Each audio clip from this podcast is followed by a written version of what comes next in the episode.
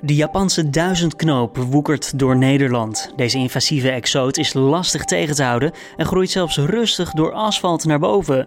Daarbij laat de plant geen ruimte vrij voor andere gewassen. Dit wordt het nieuws. De, de risico's of de nadelen zitten vooral uh, ja, voor de inheemse flora, hè, want die wordt eigenlijk volledig overwoekerd en, en weggedrukt. En dat, dat speelt natuurlijk met name in natuurterreinen. Chris van Dijk, onderzoeker plant en milieu bij Wageningen University and Research, praat je zo helemaal bij over de plant. Eerst kort het belangrijkste nieuws van nu. Mijn naam is Julian Dom en het is vandaag maandag 19 oktober. In de laatste 24 uur zijn 8015 positieve coronatests gemeld bij het RIVM.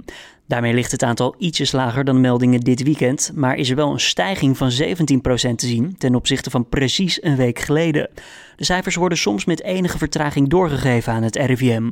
Zo worden er vaak in het weekend minder besmettingen doorgegeven, waarna op maandag een inhaalslag volgt, die zichtbaar wordt in de cijfers op dinsdag. En daarom zegt een vergelijking met dezelfde dag precies een week eerder doorgaans meer dan een vergelijking met één dag eerder. Over de Franse leraar die afgelopen vrijdag is gedood bij een aanslag was een fatwa uitgesproken. Dat gebeurde door de islamitische groepering Collectief tegen Islamofobie in Frankrijk. Een fatwa is een decreet van islamitische geestelijke waarin wordt gezegd hoe moslims zich moeten gedragen. Het kan gaan om een verbod, maar ook om een oproep tot iemand te doden. De Franse minister van Binnenlandse Zaken onderzoekt of de groep verboden kan worden. Ook noemt hij het collectief een vijand van de staat. Voedselbanken krijgen de laatste weken minder voedsel geleverd dan voorheen. Klanten krijgen daardoor ook minder eten mee naar huis. Als mogelijke oorzaak wordt de landelijke actieweek tegen voedselverspilling genoemd. Deze werd begin september gehouden.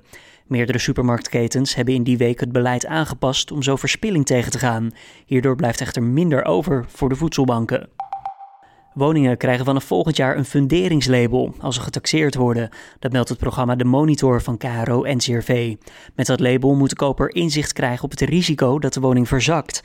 Volgens de monitor maken zo'n 250.000 huizen in Nederland kans om in de hoogste risicogroep te worden ingedeeld. Kosten om de fundering te herstellen zijn voor de eigenaar en kunnen soms in de tonnen lopen. Verdachten van een misdrijf in Noord-Korea worden stelselmatig gemarteld en vernederd. Dat schrijft Human Rights Watch. Zo verblijven verdachten vaak in te kleine en onhygiënische cellen, krijgen ze amper voedsel en worden ze gedwongen valse verklaringen af te leggen. Slechts met geld of goede connecties kan iemand onder deze vormen van vernedering uitkomen. Dan ons gesprek deze middag. Wortels die tot 2,5 meter de grond ingaan. Takken die groeien door de kleinste kieren. En een zee van groene bladeren. De Japanse duizendknoop is een invasieve exoot die vrij moeilijk te stoppen is. En zelfs door asfalt wil groeien. En wat is nou precies een invasieve exoot? Nou, dat is een plant of een beestje. Bijvoorbeeld die groeit op een plek waar die niet van nature voorkomt. En verder vormt deze exoot ook nog eens een bedreiging voor de inheemse soorten. En als we het specifiek hebben over de Japanse duizendknoop, nou dan is het uit te roeien behoorlijk lastig en kan ook nog eens heel veel geld kosten. Daarom kan je er maar zeker vroeg bij zijn als je hem ziet groeien in je tuin. Chris van Dijk, onderzoeker plant en milieu bij Wageningen University and Research, vertelt je hoe je dit stuk groen kan onderscheiden van de rest van al het groen in je tuin. Nou, het is uh, ja, een plant, hij wordt vrij hoog. Uh, hij kan wel tot 3, 4 meter hoog worden. Hij heeft uh, zeg maar wat gespikkelde stengels. Dat is toch wel heel karakteristiek met, met rode spikkeltjes op de stengels. En in, augustus, september kun je hem ook zien herkennen aan de witte bloemen die er aankomen. Dus uh, ja, als je hem eenmaal herkent, dan zie je hem op heel veel plaatsen staan. Want hij komt vrij algemeen voor in Nederland en in heel West-Europa eigenlijk. En hij heeft uh, ook van het mooie, ja, wat lichtgroenere blad. Een beetje hartvormig. Grote bladen of kleine bladen?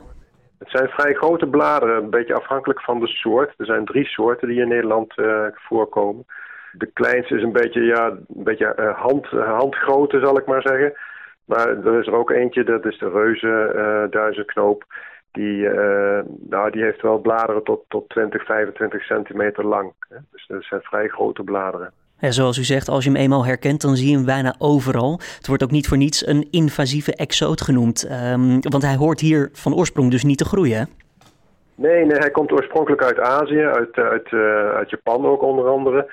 En hij is in, in begin 1800 um, ehm, ingevoerd als, als tuinplant. Dus er zijn een paar exemplaren zijn vanuit uh, Azië hier naartoe gebracht en in, in uh, tuinen terechtgekomen. En op die manier ook, ook verder verspreid. Hè. In die tijd was het ook wel, wel gebruikelijk dat de tuinliefhebbers planten uitwisselden. En dus dan kregen ze een stekje mee en, en zo is die eigenlijk ja, steeds verder verspreid geraakt. En ja, als je hem eenmaal in de tuin hebt, dan komt hij ook in het tuinafval. Dan komt hij op een stortplaats of dergelijke.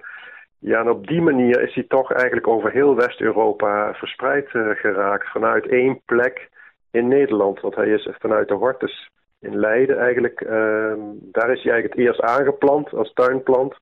En van daaruit heeft die verspreiding eigenlijk uh, plaatsgevonden. Dus wij zijn eigenlijk een beetje de bron geweest voor uh, heel Europa, voor deze ja, invasieve exoot. Ja, zo zou je dat wel kunnen zeggen eigenlijk. Ja, ja het was wel een uh, goed exportproduct wat dat betreft.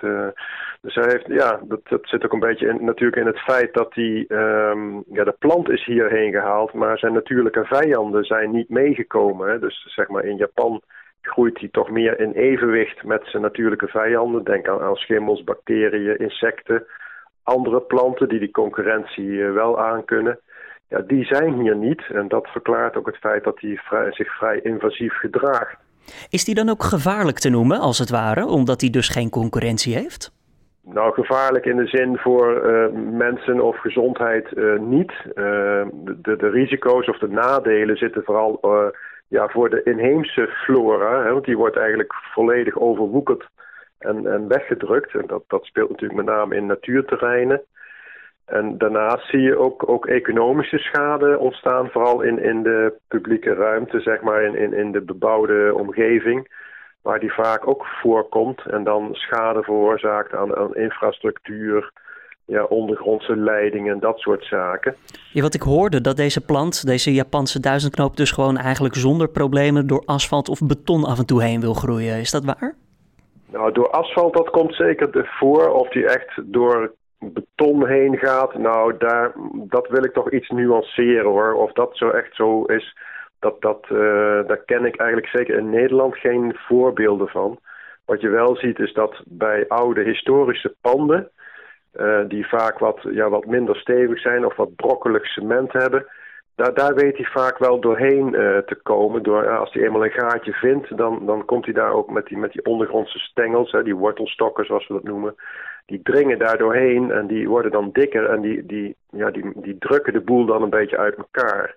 Maar echt bij modernere betonconstructies, nou, daar, daar ken ik eigenlijk geen voorbeelden van. Het zit hem vooral in ja, een wat kleinere bouwwerken. Dan moet je denken aan, aan, aan, aan verhardingen, uh, schuurtjes, muurtjes, uh, dat soort dingen. Die zijn daar wel gevoelig voor, uh, voor, voor schade. Hoe gaan we deze plant dan te lijf? Want als die vooral in, in de publieke voorkomt, kan ik me voorstellen dat de gemeente ook wel een actieplan op papier heeft.